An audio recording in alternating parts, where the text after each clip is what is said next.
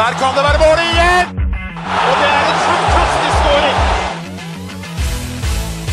Så kommer den! Vi er våre beste menn. Vi har jo en del vi skal gå gjennom i dag. Skal vi bare, bare kjøre på med episoden vår? Ja, la oss gjøre det. Kjør! Heia Norge. Heia Norge! Heia Norge.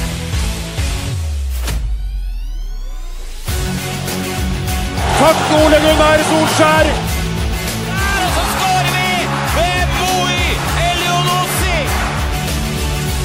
Rekdal skyter i mål! Og Norge leder 1-0! Så kommer den! Det er Tariq Elunussi som har sist på den! Martin Ødegaard!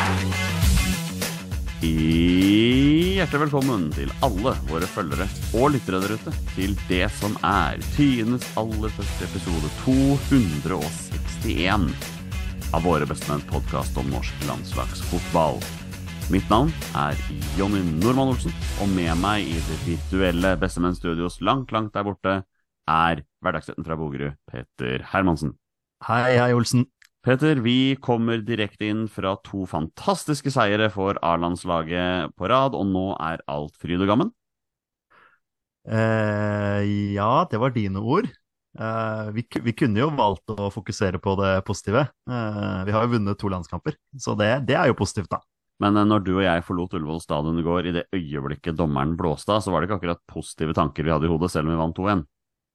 Nei, det, vi, eh, vi dro derfra i litt sånn sinne og irritasjon. Og samtidig eh, lettelse over at Nyland faktisk redda oss helt på tampen der. Hvem hadde trodd det? Ja, hvem hadde trodd? Vi har vel gitt han nok tyn opp igjennom, så, men han skal få skryt for den. Eh, som sagt, da, vi, vi vant jo 2-1 mot Georgia i går, men vi må jo starte med den eh, privatlandskampen som ble spilt forrige uke, Petter. Jeg har ikke fokusert så innmari mye på den, annet enn at vi vant 6-0. Seks forskjellige målskårere. Eh, hva mer har du å tilføye? Nei, det er jo, det er jo, det er jo Nusa eh, som eh, virkelig tok vare på muligheten sin. Eh, det som vi snakker om x antall ganger, når du får muligheten med flagget på brystet, så må du gripe den, og han, han grep den med begge bein og hele kroppen og alt. Han var helt fantastisk. Eh, han var liksom lysten på å vise seg fram fra, fra starten av. og så Han gikk seg bort et par ganger, og, men så bare, så bare fortsatte han å rulle på og kjøre på og kjøre på. Jeg elsker sånne spillere som, som prøver og prøver og prøver. Ok, man feiler noen ganger, men så lykkes man eh, så mye som han gjorde også. Og eh, nei, en nytelse å se på, og ja, han tok jo med seg den formen videre inn i, inn i Georgia-kampen. Jeg tippa 0-0 eh, i kampen mot Jordan i vår forrige episode av podkasten. Så kan jeg si at jeg bomma. Hva var det du tippa? Eh, jeg tippa 2-1 i begge kampene. Ja, du gjorde det, ja? Ja, Ja, jeg gjorde det. Gratulerer jeg med 50% pott. Så jeg traff på én av to. Jeg syns ikke det var så gærent. Men eh, altså, jeg hadde ikke trodd Altså, vi, vi snakka litt om Jordan før vi skulle møte dem, og, og vi snakka litt om at ja, de tapte, hadde en jevn kamp mot Serbia, hvor de faktisk leda 2-1 en periode osv., og, så videre, og dette, dette blir tøft. Og så, ja, og så ble det ikke tøft i det hele tatt. Eh, Det var liksom nesten litt sånn første runde i cupen-opplegg, hvor vi, vi valsa jo bare over dem. Men eh, så er det dette her med treningskamper og Norge, da. Det er tydeligvis vår greie, det nå. At det er der vi, vi klarer å senke skuldrene og bare, bare slippe oss løs, og ikke tenke så mye konsekvenser.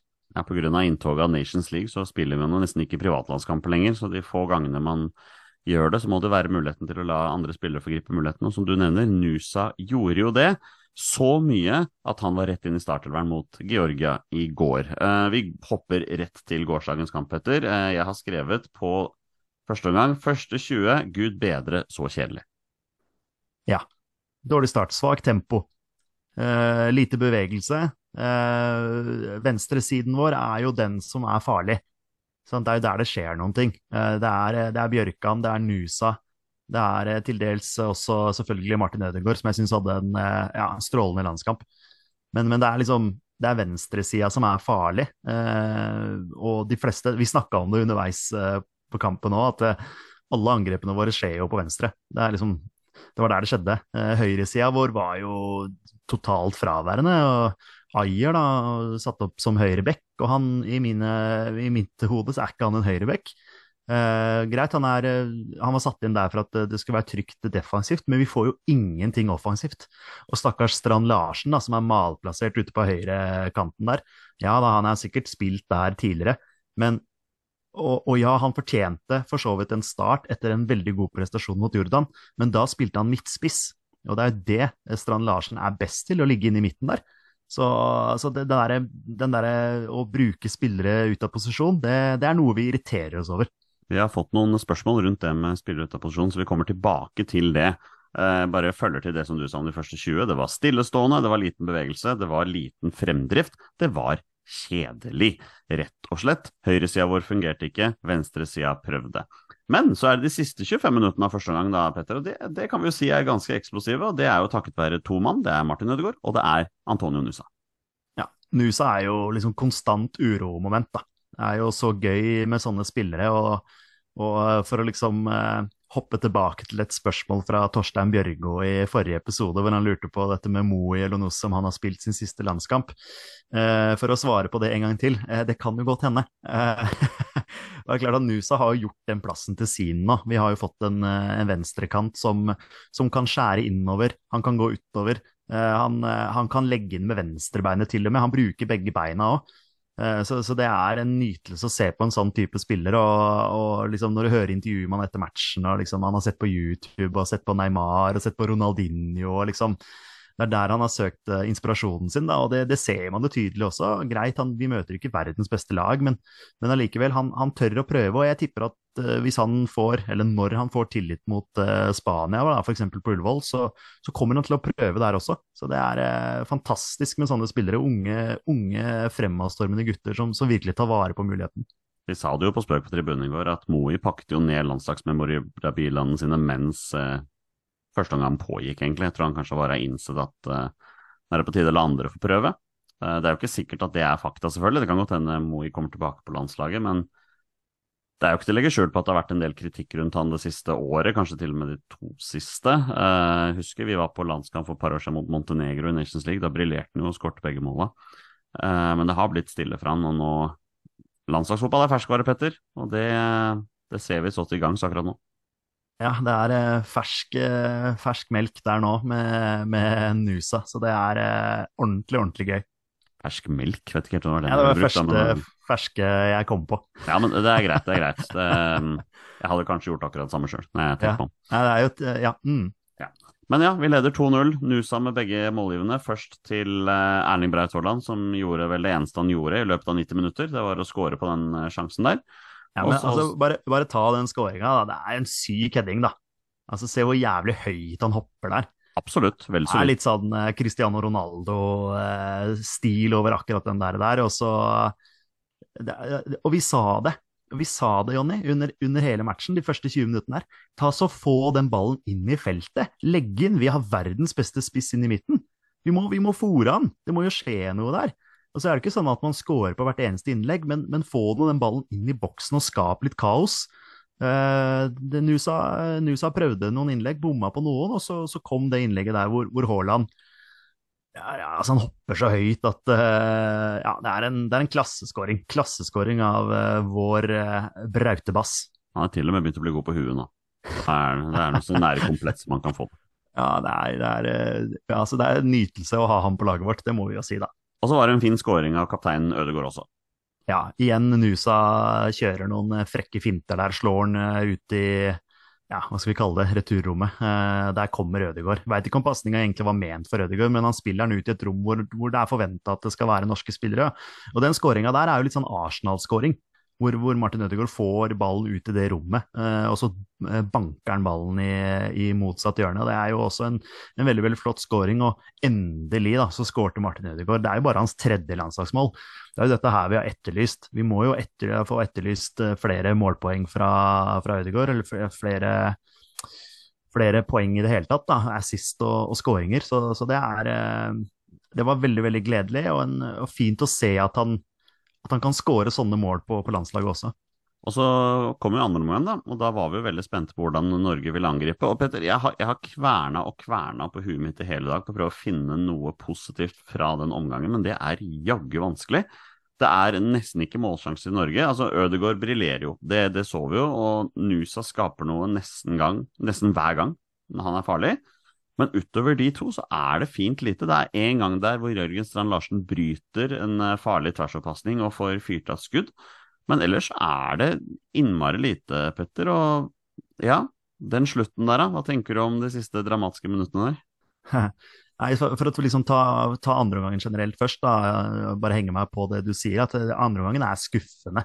Jeg er skuffa over at ikke vi bare går i strupen på dem fra start av i, i andre omgang og fortsetter å bare kjøre på. Uh, vi vi avslutta første omgang bra og skapte trøkk, og da må vi ta med oss det inn i andre omgang også. Uh, så det, det, er utrolig skuffende. Det er en kampen her skulle vi vunnet 3-4-0, ikke sant. Jeg skulle bare fortsatt og malt på.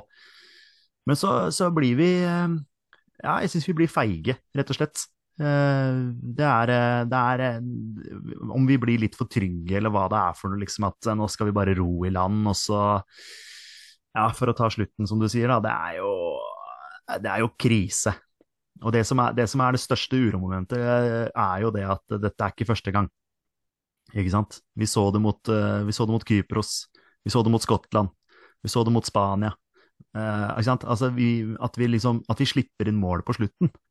Så det er jo et eller annet som sitter i huet på gutta her. Så det der er ikke bra i det hele tatt, altså. Vi er en uh, god Ørjan Nyland-redning unna å spille uavgjort mot et fryktelig svakt Georgia-lag på hjemmebane, med unntak av denne superstjernen Kvar... Kvarat... Kvart... Um, ja, du vet Kvaradona. Um, ja, Kvaradona er enkelt og greit. Ja, uh, uten han så har de jo ingenting av nevneverdig, nevneverdig kvalitet. Men til tross for det så klarer jo vi faktisk nesten å gi de ett poeng i denne kampen her, og det er uh, Det er rart å si det, liksom, når man drar fra Ullevål etter å ha en førsteomgang hvor halve første omgang er rimelig shabby, andre, andre, delen er veldig bra, og da avgjør vi kampen der. Eh, det vil si, vi regnet med at vi gjorde det. Og så drar man liksom fra Ullevål, så er man litt irritert, altså. Man er litt irritert, for man, man tenker liksom at dette er jo et Georgia-landslag vi egentlig bare skal ha full kontroll på å feie av banen. Og så og så kan man ikke unngå liksom, å tenke til baner. Vi har snakket om det før, Petter, om, om vi rett og slett overvurderer det norske landslaget. Det kan godt hende. Det er klart at Hvis vi, hvis vi hadde eh, ligget på første- eller andreplass og tatt den seieren der i går, så hadde vi vært jævlig fornøyd med den seieren og tenkt at ok, uh, vi tok tre poeng, vi har fortsatt kontroll i den gruppa her. Men i og med at vi ligger der vi ligger, så ligger jo den irritasjonen der hele veien. ikke sant? At vi har gjort en dårlig kvalik. Og det fortsetter jo egentlig i den matchen her hvor, hvor, du, hvor, du, drar fra Ullevål med en dårlig følelse fordi, som du sier, at vi, vi, holdt på å rote bort hele greia. Vi holdt på å rote bort en trepoenger mot et lag som vi eh, ti av ti ganger skal slå på hjemmebane, uansett. Vi skulle slått dem borte også. Sant? Så det er, eh, det er, så mye i den kvaliken her som er ekstremt skuffende. Jeg er, så, er skuffa over den eh, matchen der i går. Og det er også farga av kvaliken i seg sjøl, fordi det er litt som Jesper Mathisen og de andre sier, at resten av de kampene her nå er jo egentlig bare treningskamper. Altså for å, for å liksom bare, bare, face it, liksom. Spania og, og, Skottland har kontroll på dette her, vil jeg tro. Uh, det er mye som skal gå vår vei, men, uh, men uh, Nei, så jeg, jeg er skuffa over det. Hadde vi dratt derfra med, med en 2-0-seier, så hadde jeg tenkt at ok, det her var en kontrollert seier. vi kan ikke forvente så mye mer enn det. Men i og med at det blir den 2-1, så, så blir det irritasjon. Selv om jeg igjen mener at vi, vi skulle peisa på for å fått tre og fire og bare drept hele kampen. Så, uh, og så er det fint å se, som du sier, Martin Ødegaard briljerer utpå der. Få med seg publikum. Uh, er en sånn derre gets the crowd going, var det ikke det på FM? det er sikkert det fortsatt. Men en sånn type spiller som, som virkelig vet å sette pris på fansen, og det, det syns jeg er veldig kult. Og så skjønner jeg jo det at, eh, at, det ikke hele tiden var så jævla mye å juble for i andre omgang, for den andre omgangen var dritdårlig. Så at det var litt stille innimellom, det, det, må vi nesten forvente. Men det var bra at han fyrte opp fansen der. Eh, og så masse cred også til Oljeberget, og spesielt han derre fyren med roperten, da, eller megafonen der, som, som, drar i gang og lager stemning og får med seg, får med seg fansen. Så det er eh, kudos til eh, Oljeberget, NSA, hva, det igjen heter, denne gjengen der nede. Vi mistenker jo at de har begynt å høre litt på Våre bestemenns podkast om norsk landslagsfotball, for det virker jo som de har eh, tatt til seg noe som du har tenkt lenge på? Ja, jeg tok det vel opp i Var det forrige episode eller noe sånt nå, da? Eller var det to episoder siden? Det spiller ikke så stor rolle, men, men ja, det handler om dette med å Når de gangene de setter i gang Reis opp for ditt eh, fedreland, Eh, så er det rett og slett bare å gå for Norge klapp, klapp, klapp, eller et eller annet sånt noe som er enkelt, som, som, som, er lett å få med hele stadion, for da får du faktisk med hele stadion. Eh, selv om det tar altfor lang tid. Altså Folk som er på landskamp, jeg tror de folk er litt sånn flaue og sånn når de liksom hører den der 'reis opp for de fedreland', fordi folk reiser seg jo ikke. Det tar så lang tid. Så er det du og jeg da, Jonny, som liksom må reise oss for å liksom vise at det, går fint, altså. Det går bra. Det er, det er lov å stå når, de, når fansen sier 'reis opp for ditt fedreland', så, så reiser du deg opp, og så, så, blir du med på Norge, klapp, klapp, klapp. Det er, det er ikke flaut. Det er, eh, det er lov. Vi er lette å få øye på når vi reiser oss opp uh, på Bendit Øvre der. Ja. eneste, nesten eneste som reiser seg der. Um, hvilket terningkast vil du gi Ståle Solbakken da? for uh, laguttak, prestasjoner? Nei, det må være noe midt på treet, altså. Det blir så midt på som det går an. Uh, det er jo sånn som, Da vi så lagoppstillingen, så, så blir jo vår spontane reaksjon i, i chatten vår at liksom ah, Spiller ut av posisjon. Ah, det er liksom er vi, er vi der fortsatt? Kan vi ikke bruke en naturlig høyrebekk på høyrebekk? Kan vi ikke bruke en naturlig høyreving på høyreving? Altså, Er det så jævla vanskelig? Hvorfor er det sånn med hver jævla landslagssjef? Så skal man tweake og ordne og styre på posisjoneringa. Jeg skjønner ikke det. Er det ikke, er det ikke en trygghet for en fotballspiller å spille der som man er vant til å spille? Jeg, jeg, jeg fatter det ikke. Jeg skjønner det ikke. Nei, Vi har jo fått flere spørsmål som rundt dette her med spillere ut av posisjon, så jeg velger meg ut Thomas Follerås sitt her. Hva er greia med landslagets historikk med å bruke spillere ut av posisjon? Må være frustrerende for spillere, spillerne å se spillere spille i deres posisjon som helt tydelig ikke passer der. Og som du nevnte tidligere, all honnør til uh, Jørgen Strand Larsen for den innsatsen han legger ned, men du ser jo at fyren er jo ikke kantspiller, han prøver så godt han kan men det passer ikke. Og da igjen også inn det med Kristoffer Ayer, som jeg ikke syns passer som back i det hele tatt. Han, han, var direkte svak offensivt i går, og da blir det vanskelig når man skal samarbeide. Så ser du på motsatt side med, med Bjørkan og Nusa, som fungerte mye bedre sammen. Ja, og det er jo sånn vi ønsker å spille. og det er klart at Hvis du har den muligheten der til å kunne angripe både på venstre og høyre, så blir du mye mer uforutsigbar enn hva som ble i går litt for forutsigbart. Greit at Nusa var jo fantastisk. altså Det er jo bare å gi ballen til Nusa, så skjer det jo ting. sant? Han er jo en magiker. Det er jo, eh, ja, det er jo fantastisk å se han spille fotball. Men tenk å ha hatt noe sånt noe på høyresida også for å skape enda mer kaos, og spesielt hjemme mot Georgia, som er en liten nasjon sånn i den store sammenhengen. Eh, de lå noen plasser over Jordan, var det, vi, var det vi fant ut. Fire plasser over. Ikke sant? Så det er jo ikke en, det er jo ikke en fotballstormakt. Ikke det at vi er det heller, men vi skal være mye bedre enn dem. Og hvis vi hadde hatt flere strenger å spille på, eh, så, så, så, kunne vi skapt enda mer kaos for dem. Og det, det hadde vi ikke i går. Eh, vi velger da å starte med Strand Larsen, som igjen, ja, jeg syns han var god mot Jordan. Ja, han fortjente en sjanse, men da kunne han heller kommet inn for Braut Haaland. Eh, fordi Braut Haaland var jo helt usynlig i andre omgangen der. Og så turte sikkert ikke Ståle å gjøre noe der heller, for det dreit vi oss ut med mot Skottland. Sant? At vi tok ut Braut, og da ble det enklere for Skottland. De fikk litt mer blod på tann osv. Men jeg vet ikke, jeg. Jeg syns det der med å, å, å, la spillere spille i sin naturlige posisjon er jo for meg det mest naturlige i, eh, når du setter opp et lag, i hvert fall. Nusa har jo ikke blitt gammel nok til å tenke over konsekvenser av det han gjør ute på banen der, så han er bare ung og uredd og prøver og feiler. Han feila noen ganger i år også, men eh, mesteparten blir jo at han eh, får det til, så det er jo masse, masse positivt å ta med seg rundt det. Og om han starter mot Spania Fotball-Norge kommer til å kreve det. Vi kommer til å kreve det i våre beste menn. Jeg er neimen ikke sikker på om Ståle går for det, altså. Ja, det syns jeg er feigt av Ståle Solbakken i så fall. Hvis han, hvis han, velger å ikke gjøre det. For det handler om at vi har i utgangspunktet ingenting å tape nå. Det er eh, Hvis vi skulle klare å komme oss til EM via den ordinære kvaliken, så ville det være en fantastisk gave. Men eh, det, det, skjer jo sannsynligvis ikke. Sett på eh, de unge, friske spillerne der. Eh, la de få spille mot eh, Spania. Det som, var, det som, var, synd i går, var jo at eh, Osame Sarawi var uh, utilgjengelig. Han var, hadde fått en skade, skjønte jeg, så han var ikke med i troppen. Så da, da Nusa måtte gå ut, så, så mista vi jo Altså, da mista vi jo alt, sant. Da hadde, da hadde, vi jo ingenting. Ingenting hadde vi da. Jeg hadde jo ikke fått med meg at, han, at uh, Osame satt på tribunen, så når jeg tvitra i frustrasjon over det byttet, så fikk jo jeg kjenne litt på hvordan dette her twitteratet kan funke. Da. Det holder ikke at én forteller meg at Osame Saroui satt på tribunen. Det var jo sånn fem-seks stykker som skulle dytte det ned, så jeg, jeg fikk det jo etter hvert med meg, da, at han ikke var der. Ja, ja. Um, ja. Så det Vi kan jo egentlig bare hoppe rett over i spørsmål fra lyttere, Petter. For vi har fått et fra Reidar Solli. Det er jo ikke hvem som helst. Det er jo Dagsavisens uh, Grand Old Man. Og ikke minst fra Trikkeligaen, som er en podkast vi alle som elsker Oslo-fotball, anbefaler. Uh, Reidar skriver forventer oppdatering av Nations League-ståa og prosentsjansen for EM. For det er jo slik, Petter, at teknisk sett er vi jo ikke ute av dansen ennå. Det er fortsatt to forskjellige muligheter for å komme oss til til EM i Tyskland neste år. Um, kan ta den, den, originale måten, det er jo da å kvalifisere seg direkte. Og der er jo ståa slik at vi har jo igjen eh, tre kamper nå, Peder. Og hvis vi vinner våre tre siste, det er Spania hjemme, Kypros borte og Skottland borte, da ender vi på 16 poeng. Eh, hvis Spania da ender opp med å vinne sine tre siste utenom den de da eventuelt taper mot oss, da ender de på 18 poeng. Så da ender de foran oss.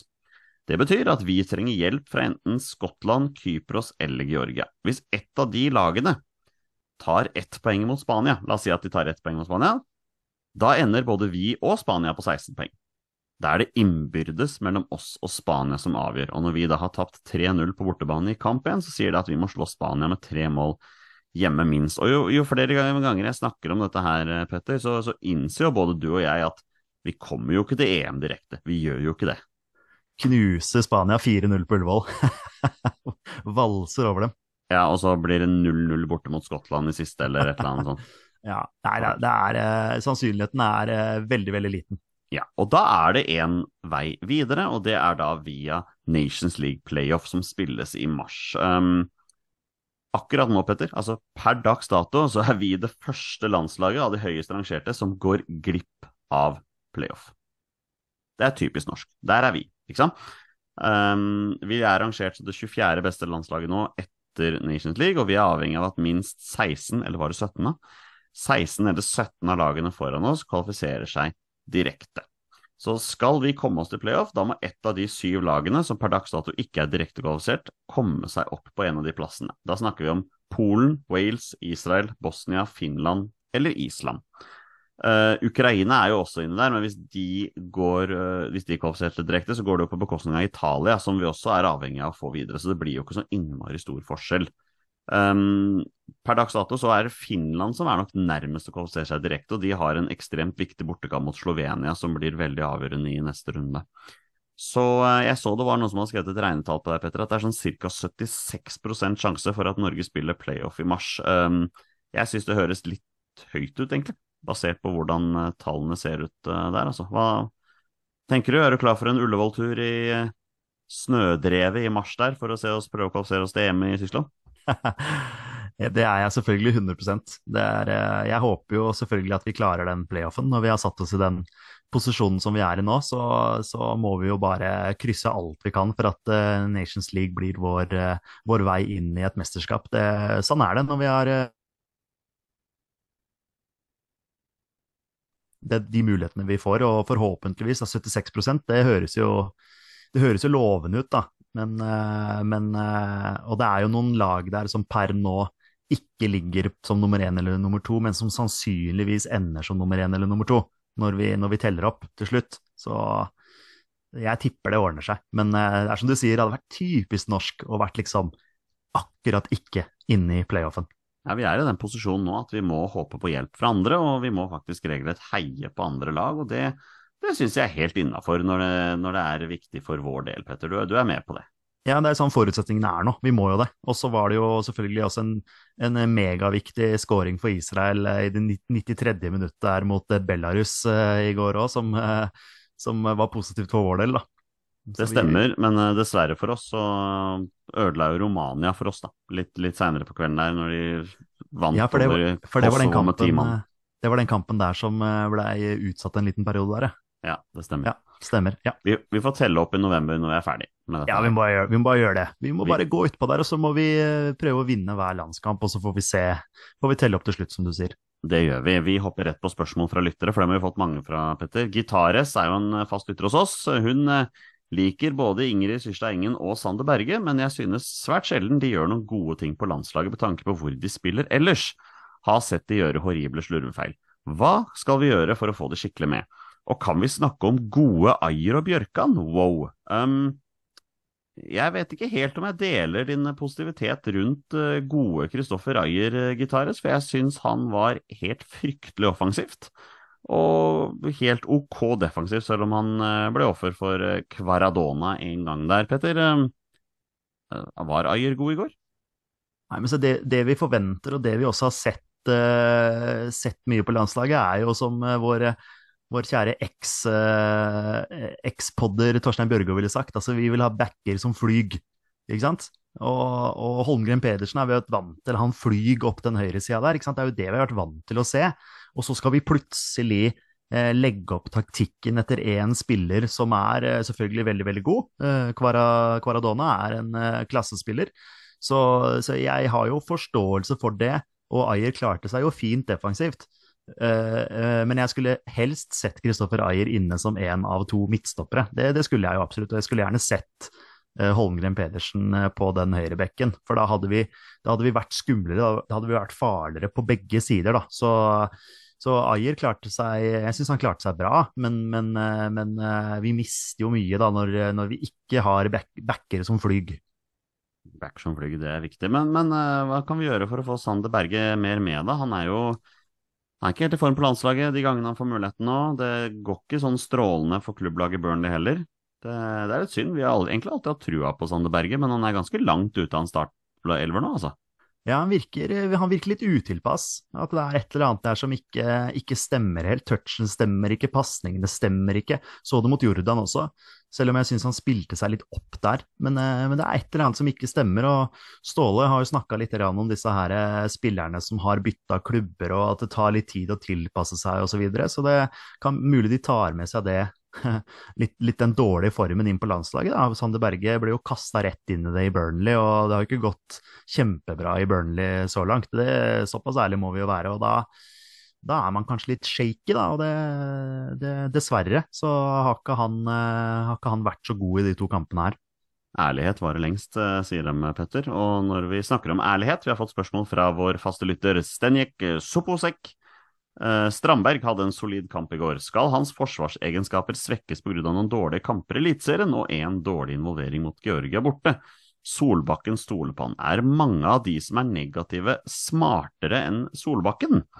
Vel, eh, for å svare på det siste spørsmålet først, er mange av de som er negative, smartere enn Solbakken? Skal ikke se bort fra at det er sant. Uh, IQ måles på forskjellige måter. Men jeg syns uh, det blir litt så veldig sånn hovering fra vår gode venn eh, Stenik her, som er veldig opptatt av at uh, Strandberg hadde en solid kamp. Hadde han egentlig en solid kamp? Det er litt delte meninger om det. Uh, om hans forsvarsegenskap skal svekkes pga. noen dårlige kamper i Eliteserien, en dårlig involvering mot Georgia borte? Nei, de skal svekkes fordi han ikke er god nok til å spille på landslaget lenger. det er egentlig så enkelt som det. Han var helt grei i går, blei rundlurt en gang der. Hva tenker du, Peder? Ja, jeg syns han, synes han gjorde en grei kamp. Det var ikke noe sånn Han har en uh, viktig blokkering, spesielt i første gangen der. Uh, var det hens, forresten? Ja, det, jeg, har, jeg har ikke sett uh, høydepunktene enda. eller jeg har vel for så vidt bare sett måla i ettertid. Men det var vel Kvaratskelia som, som avslutta der. Ifølge også, vår stuntreporter Torstein Børgo på chatten vår, så mente han at det var solklar hens, i hvert fall. Og ja. Torstein lyver jo aldri. Men så vet man jo aldri hva hens er for noe, da. Men at ballen traff armen hans, det kan jo godt hende. Veldig godt poeng. Hva er egentlig hens? Men eh, jeg syns han, eh, synes han klarer seg bra. Altså, det er jo ikke noe sånn det er jo ikke sånn at Georgia skaper ekstremt mye heller. Eh, og så er det typisk at det er liksom stopperne våre som, som blir liksom litt sånn syndebukken på det 2-1-målet. At liksom Strandberg blir, eh, blir ballwatching. Det er jo eh, det er jo Østigård som har han mannen som skårer i utgangspunktet, og så løper han fram foran Strandberg, og Strandberg er uoppmerksom. Strandberg ser kun på ball. Uh, men der mener jo jeg at det handler, om, det handler jo litt om kommunikasjon òg, da. Ikke sant? Uh, men, men, det går så fort der, og det er smart bevegelse av spissen òg, så det liksom uh, du, ja, Strandberg hadde Strandberg visst og orientert seg bedre, så hadde han kanskje angrepet ballen på en annen måte enn hva han gjorde, for han sto jo egentlig bare og venta på den. Eh, ikke klar over at det kom en bak han. Og når man står i sone sånn som det der, så, så, skal jo Strandberg selvfølgelig være orientert, eller orientere seg selv og, og følge med på, på spillere som kommer inn i hans sone. Og der, eh, der, sovna vi, eh, dessverre. Og det er jo er liksom typisk oss da i den kvaliken her. Vi, vi, sovner på slutten. Så det er ikke bra i det hele tatt. Jeg tenker at enhver spiller som Ståle Solbakken tar ut til å starte for landslaget, har min fulle støtte idet kampen starter, og det er opp til den spilleren å bevise at den spilleren har noe på banen å gjøre. Uh, at Stefan Strandberg var helt grei i går i en kamp mot Georgia, som er et lag som vi uansett skal ha full kontroll over, det får så bare være. Det er sikkert mange midtstoppere som kunne gått inn og gjort en like bra jobb der. Det er i de store, viktige kampene det blir veldig avgjørende når du ser hvor feil det blir. Um, Sigurd, kan vi få en liste med noen konkrete forslag til hva Norge kan gjøre for ikke sprekke opp på slutten? Det var vel uh, Svea fra VG her, så du den tweeten som han skrev, eh, Peder? Ja, altså når vi har sluppet inn baklengsmålene? Ja, jeg tror vel at uh, seks av åtte baklengsmål har kommet fra det 84. minutt og mot slutten av kampen der. Det er jo et svakhetstegn i stor grad. Det er et svakhetstegn. Og det, jeg tenkte litt på det. Altså handler det om at vi har noen spillere som vanligvis ikke spiller 90 minutter for klubblaget. Ta Østigård, for eksempel, da. Altså, når spilte han sist 90 minutter for klubblaget sitt? Så klarer, Nei, klarer vi å ja, ikke sant? Klarer vi å stå distansen ut? Er det, er det fordi spillerne ikke er vant til eh, å spille 90 minutter, at det er derfor vi, vi kollapser sånn som vi gjør? Så ta, ta Ayer, da. Spiller han 90 minutter for Brentford? Nei. Nei, gjør ikke det. Ikke sant? Strandberg, ja, han spiller litt sånn av og på i Vålinga eh, og sånn. Eh, ikke alltid spilt 90 minutter, og noen ganger så må han stå over pga. det ene og det andre. Eh, Østigård, da, ikke sant. Eh, spiller ikke 90 minutter. Bjørkan spiller vel 90 minutter i Bodø-Glimt. Eh, uten at jeg har de tallene der i 100% og Patrick Berg gjør helt sikkert det også. Så, men det, det, kan være noen sånne ting. Uh, at vi uh, rett og slett er slitne og at vi da eh, mentalt eh, ikke klarer å henge helt med, eller altså både, både, fysisk og psykisk, da. Og så har det skjedd noen ganger før dette her, og da, da det setter seg jo sikkert i huet på gutta. De mm. begynner å tenke, begynner å tenke ikke sant. Og bare ah, shit, nå kommer de her. Nå, ja. faen, ikke, ikke, en gang til. Men det er jo Ja, det er bare for å, bare for å ta den derre eh, ja, krampesituasjonen til Østigård mot Skottland, f.eks. Hadde det skjedd hvis han var vant til å spille fulle 90 minutter? Sannsynligvis ikke. Vi har fått spørsmål fra Stian Kajander om det. Hva tenker dere om Solbakken sine taktiske grep og bytter? Vi mister stadig grepet om kampene. Ja, der har han jo litt av utfordringen, sånn som jeg ser det, er jo det at eh, Da vi tok ut Nusa i går, da, så har jo ikke vi en erstatter for Nusa. Ikke sant? Det hadde vi jo mot Jordan. Da hadde vi jo Osame Sarawi som, som liksom Da hadde vi enda en venstrekant som kunne utfordre og skape ubalanse.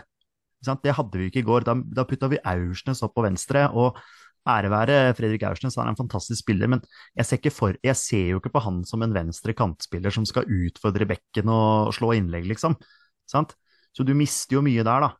Eh, så fikk man jo inn Ola Solbakken selvfølgelig på, på høyre, og og han, eh, Der mente jo Ståle Solbakken at han, ja, han har bytta klubb til Olympiakos, det har vært mye der og reising og ikke sant? Han er ikke helt mentalt på osv. Og, og ikke så, så, fresh som det han skal være. Så vi, byt, vi bytter oss ikke bedre, fordi vi har ikke bedre spillere på benken. Vi har ikke gode nok spillere som kan komme inn og gjøre den samme jobben, eller en bedre jobb enn de som var utpå der fra før av. Så, så, det handler jo bare om den kvaliteten vi har tilgjengelig, dessverre, da.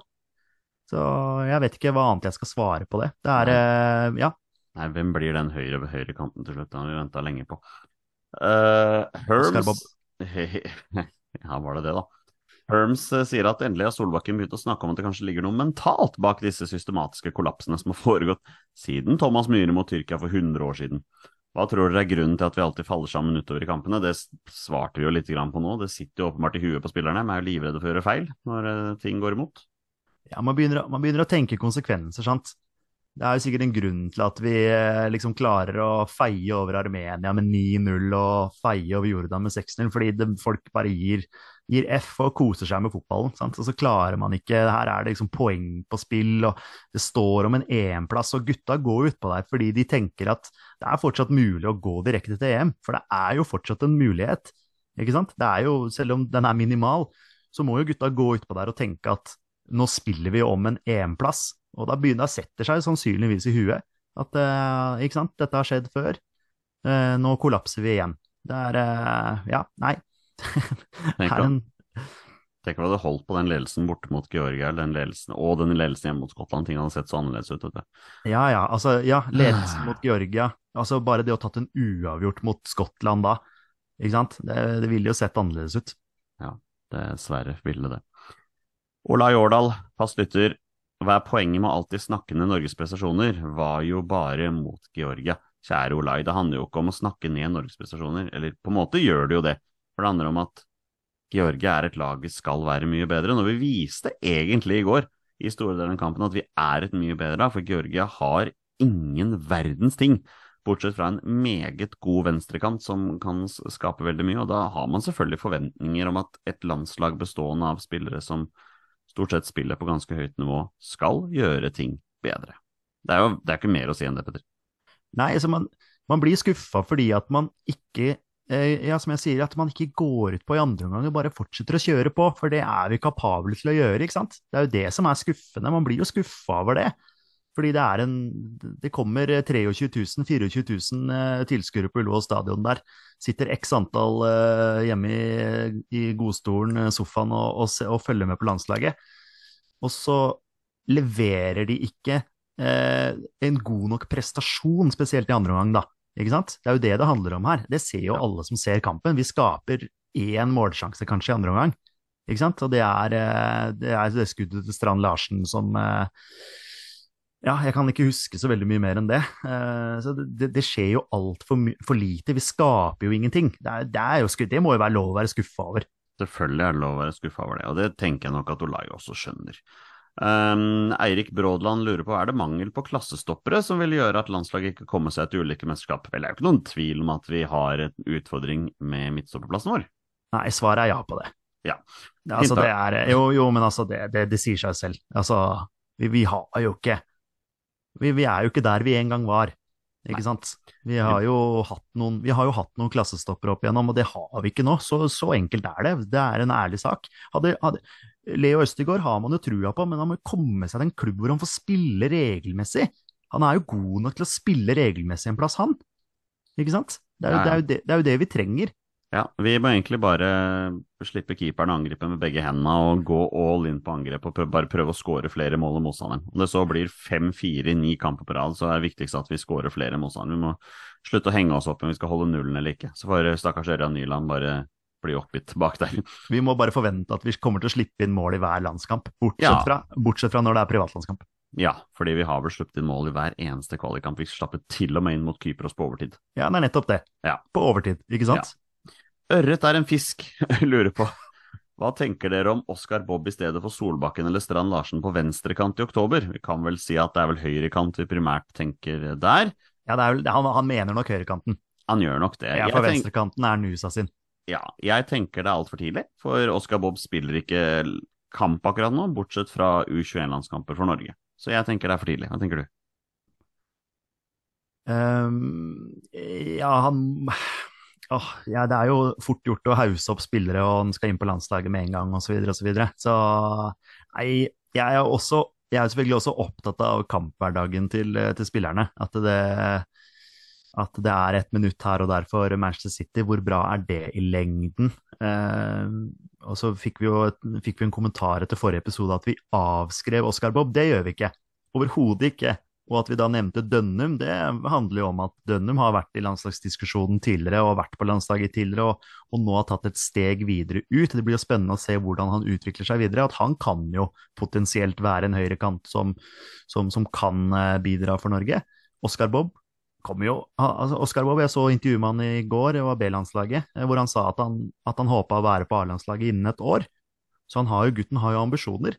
Så at det, at det kan skje, ja, selvfølgelig. Men, men han er jo også avhengig av å ha kamper i eh, beina. Og Ståle Solbakken sa jo det om Nusa, at eh, ja, folk er etterpåkloke, og han skulle blitt tatt ut før, og nei, Nusa var ikke klar før nå. Og det må vi, akkurat de tingene der må vi stole på Ståle. Stole Ståle. vi må stole på Ståle Solbakken. At, at, han, at han tar de rette valgene når han tar ut spillere. Man, så er man jo selvfølgelig Du får jo aldri et landslagsuttak hvor alle i hele Norge er 100% enig. Sånn vil det aldri være. Og det er jo det som er fint med å sitte og kunne diskutere på Twitter og i podkaster osv. Det er det som er så deilig med fotball. Man er jo sjelden 100% enig i alt. Men at Oscar Bob skal på, på A-landslaget etter hvert, ja. Men han er ikke klar akkurat nå. Det er han ikke. Stole på Ståle, jeg tror det er det som blir navnet på denne episoden her. Ja, det er greit. Det er det jeg tror det kommer til å bli. Stole Solbakken. Stole på Ståle? Spørsmålstegn. Er det det, er det, det blir. Uh, når vi først er inne med Oscar Bob, så må vi ha en bitte liten shout-out til tidligere gjest Jan Peder Jalland. da. Uh, ny U21-landslagstrener. Det går vel kanskje ikke an å starte kvalik på bedre måte enn det han har gjort, Petter. med selv om det har vært mot San Marino U21 og Latvia U21, så er det 7-0 i to kamper på rad der. Så det ser jo bra ut med 14-0 etter to kamper. 14-0 ser veldig veldig bra ut. Eh, to smultringer òg, da. Vi får jo ta det, er jo positivt det. Men det er selvfølgelig veldig veldig gøy at man, man skårer, mye mål. Og eh, var det Arnstad da, som hadde hat trick eh, i går? Det er jo kjempegøy. Det er eh, ja, Gulliksen kom vel innpå igjen på, på gamle gress og skårte mål der, som han har gjort før. og så nei, det er jo moro det, da. At, det, at U21 eh, ser ut til å sprudle, sprudle på banen. Så det er jo det er jo veldig veldig mange spennende spillere på det U21-landslaget som eh, sannsynligvis kommer til å, som vi kommer til å få glede av på A-landslaget i, eh, i, årene fremover. da. Gikk jo ut i en 3-5-2-formasjon, da. Eh, Jan Peder Jalland mot Latvia. Det er klart man, man får litt, litt vann i munnen når man ser den der trioen sentralt på midtbanen med Sivert Mannsverk, Christian Arnstad og Christo Safaris. Det er jo solid framtid der, altså. Og eh, Andreas Schjelderup på topp der, som nå har dratt til Nordsjøland. Um, Oscar Bob på høyre, og ikke minst David Møller Wolfe med det fantastiske drakt nummer 18 på venstre der. Så uh, ja, Leo Gjelde i midtforsvaret sammen med uh, Halvor Rødølen Oppsal fra HamKam og Eskil Ed, da, fra, fra Lillestrøm der. Og ikke minst Isak Hansen av Årøen, som spiller spiss da, for U21. Ja, han, er, han, er vel egentlig ikke, han er vel egentlig ikke spiss, tror jeg. Jeg tror han er sentral midtbane. Men først er ja. inne på det her med å spille, bruke spillere ut av posisjon. Ja, men er det flashcore du så på der? Det er vel Ja, det stemmer det. Skal vel ikke ta Skal vel ta det med en klype salt noen ganger, det er hvordan de setter opp. Men eh, nei da. Nei, nei, fla flashscore er 100 eh, nøyaktig, faktisk. Det som transfermarkt. Nei, ja. jeg, jeg, så litt på U21-kampen før jeg dro til Ullevål i går, og det, det var jo gøy, det. Det er jo gøy med et offensivt U21-landslag som, som spiller fremoverretta fotball og ønsker å skåre masse mål. Det er jo kjempegøy. Og U21 spiller da kampene sine fast på eh, Marienlyst. Ja. Hjemme, hjemmebane til Strømskose. Det er en Segway til Stig André Lippert, som har stilt neste spørsmål. Er det bedre å se landskamp der dere var i går, enn midt på langsiden? Eh, svaret på det er jo nei, selvfølgelig. Ja, jeg skulle til å si det må jo nesten du svare på. Altså, jeg er jo, eh, som de fleste har fått med seg, jeg er jo Vålerenga-supporter. Eh, og jeg er jo vant til å være i Bendit-svingen. Det er jo der jeg har vært i x antall år og, og fulgt Vålinga da, da, vi spilte på Ullevål stadion. Så jeg er, vant, jeg er, godt vant til å være bak mål. Jeg har jo også vært på langsida på, på Ullevål, der som vi vanligvis er uh, på landskamper. Jeg har jo også stått der uh, i klanen en gang i tiden, uh, da de hadde langsida der. så selvfølgelig, man ser jo best på langsida. Det er jo en ærlig sak. Det er når, når, det skjer ting på motsatt, uh, motsatt mål, så, så, må jo jeg noen ganger forklare deg og fortelle deg litt hva som skjer, eh, Olsen. det er stort sett når vi står på nedre del av, av Bennett der, for da er det umulig med oversikt. Når vi sto på Bennett øvre, sånn som vi gjorde nå, da har man mye bedre oversikt. Og da er det, er det helt innafor for meg. Men jeg er en langsideperson, og det kommer jeg alltid til å være. Ja, nei, altså jeg tenker at Hvis man, hvis man skal opp på, på de øvre bak mål, så ville jeg tatt det litt litt på skrå, da, så man får litt den der skråsynet på banen.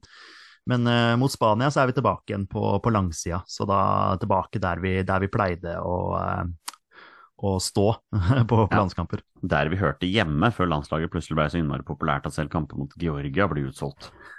Faktisk. Ja. Uh, Fredrik og Sverre Follerås lurer på hvilken landslagsspiller er best på Fifa? Best i Fifa eller på Fifa? Mm, Godt spørsmål. Vi veit jo hvilken som er best på Fifa, eller EAFC24 som det heter nå. Det er vel Erling Braut Haaland som jeg tror er spillets høyest rangerte spiller. Ja, men jeg lurer på om spørsmålet var, hvis jeg husker, om det var i Fifa, altså best okay, i Fifa. Ja. Eh, og mener de da hvem på landslaget som er best til å spille Fifa? Vi går for det. Hvem ja. er best til å spille Fifa? Jeg tenker at det må være en av de unge.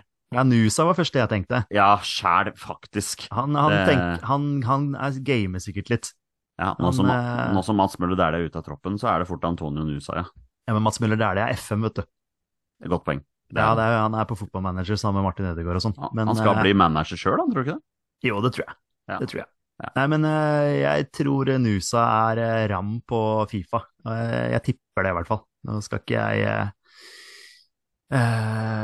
Ja, jeg håper ikke han blir sur hvis han potensielt hører det her og sier at ah, nei, jeg har aldri gama hele mitt liv, jeg har bare vært på Løkka og spilt fotball. Så nei, jeg gir en shout til Nusa der. Tror du han henter seg sjøl på karrieremodus?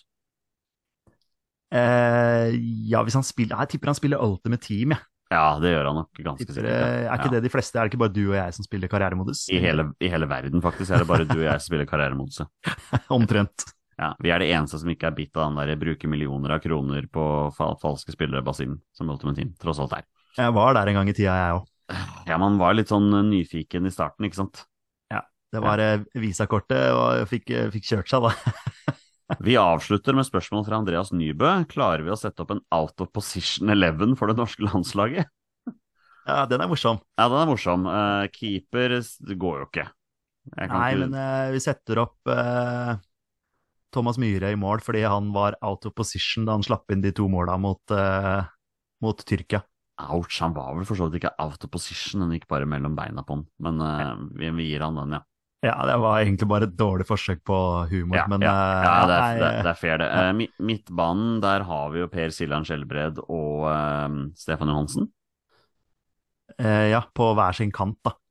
Skal vi, skal vi si det sånn? Ja de, ja, de må jo nesten være det da. Ja, ja, fordi de er jo out det. of position. Så Ja, ja. Begge, begge to spilte vel egentlig på høyre, tror jeg, hvis ikke jeg husker helt feil. Men uh, vi kan sette de på hver sin kant, da, for ingen av dem er jo kantspillere i utgangspunktet. Nei, spissparet sier seg sjøl. Det er eh, Markus Henriksen og Andreas Vindheim. Ja, den er fin.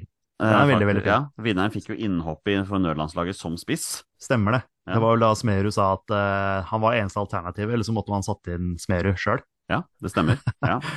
Men, Eh, men Ayer på høyrebekk, da? Jeg tenkte kanskje Gregersen, jeg. Ja, han hadde å ja, den der- det var den Hellas-kampen, det. Hellas-kampen hvor han var helt forferdelig. Ja, stemmer det. Ja. Stemmer. Kunne fort vært han. Eh, Ja, men jeg er med på den. Ja, Ronny Johnsen som midtstopper, selvfølgelig, for han starta jo karrieren som spiss. Så da er han jo selvskreven der. En av de beste midtstopperne landslaget har hatt. Jo, jo, jo, for all del, men han starta karrieren som spiss. Så jeg tenkte at det var helt legitimt å ta med han der. Jeg tenkte at vi hadde hatt en eller annen på stopperplass som overhodet ikke hadde noe der å gjøre, men jeg, jeg, Ja, kommer er ikke, jeg kommer ikke på noen her akkurat nå. Nei, jeg tenker også vi må få plass til Daniel Bråten på det laget for det er ingen i verdenshistorien som veit hva som egentlig var hans posisjon på banen. Han har jo tror han har spilt bokstavelig talt hver en altså For Skeid i 2020, siste sesongen der, så tror jeg han var faktisk innom alle forskjellige posisjonene på banen, bortsett fra keeper. Var ikke han Beck i Brann nå en liten periode der? Ja, det kan godt hende. Ja, Vi setter han, setter han på venstreback. På venstrebekk, ja. Det er du helt rett i. Bare for gøy. Ja, ja, ja. Vi mangler, vi mangler en venstrekant og en midtstopper. Ja, vi mangler, ja, for du ville ha Ronny Johnsen, du. Ja, det var jo litt på tull, da, men det er mest Ja, jeg- jeg sliter ser med alternativene her. Ja, jeg, jeg kommer ikke på, det er vel en sånn oppgave man burde forberedt. Men uh, er det en eller annen midtbanespiller som har gått ned på stopperplass, da? En eller annen som har liksom blitt flytta ned fordi det skulle være så jævlig smart? Håvard Nordtveit? Ja, for han var jo egentlig defensiv midtbane, eller var det det at han var Eller var det det at han egentlig er midtstopper og blir brukt som defensiv midtbane? Åssen var det der igjen? Nei, han er egentlig DM. Jeg tror han egentlig er DM og som er brukt som midtstopper, og der gikk det aldri spesielt bra.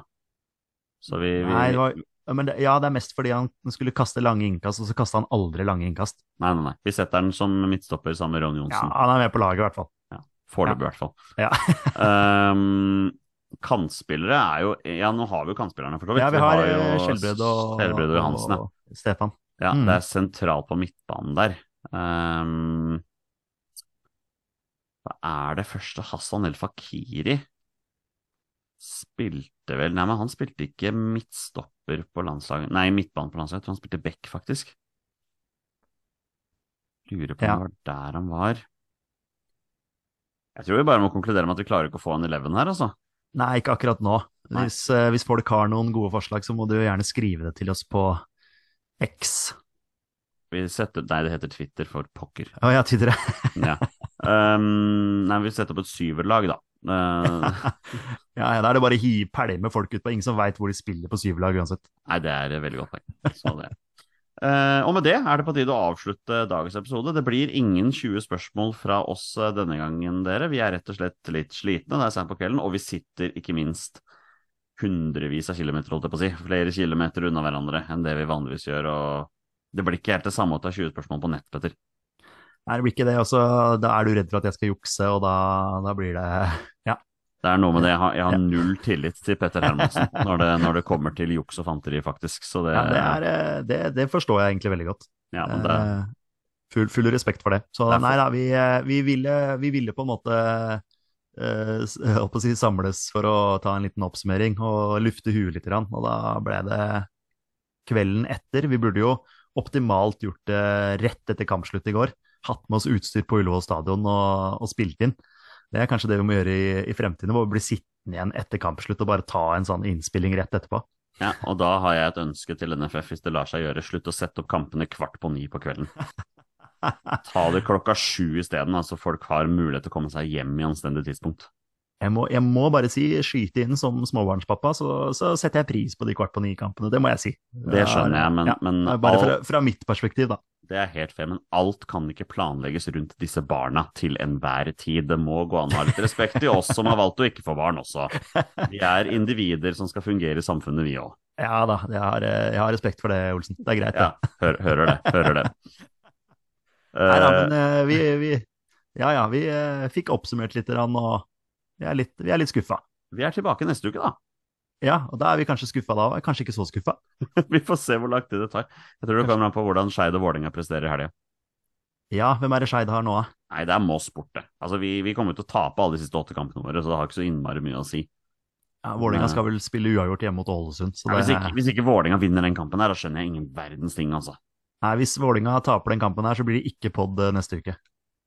Ouch. Da blir det dvale. Da blir det dvale. Men kanskje vi klarer å lure med oss en gjest eh, neste gang?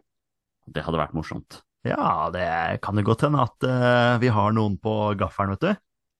Det kan godt hende. Nå er jo ikke, nå er jo ikke vi en sånn type podkast som bruker fem timer hver eneste dag på å prøve å jakte etter gjester, da. Vi, uh, vi uh, prøver oss litt i det stille og ser hvem som eventuelt har lyst til å dukke opp, og det er ikke så mye mer enn det. Så vi får se. Jeg kan legge ut noen små agn og se om det er noen som biter på. Uh, og med det er det på tide å avslutte dagens episode. Tusen takk til alle dere som hører på. Dere er fantastiske mennesker. Petter, vi er våre beste menn. Heia Norge. Heia Norge. Og hei!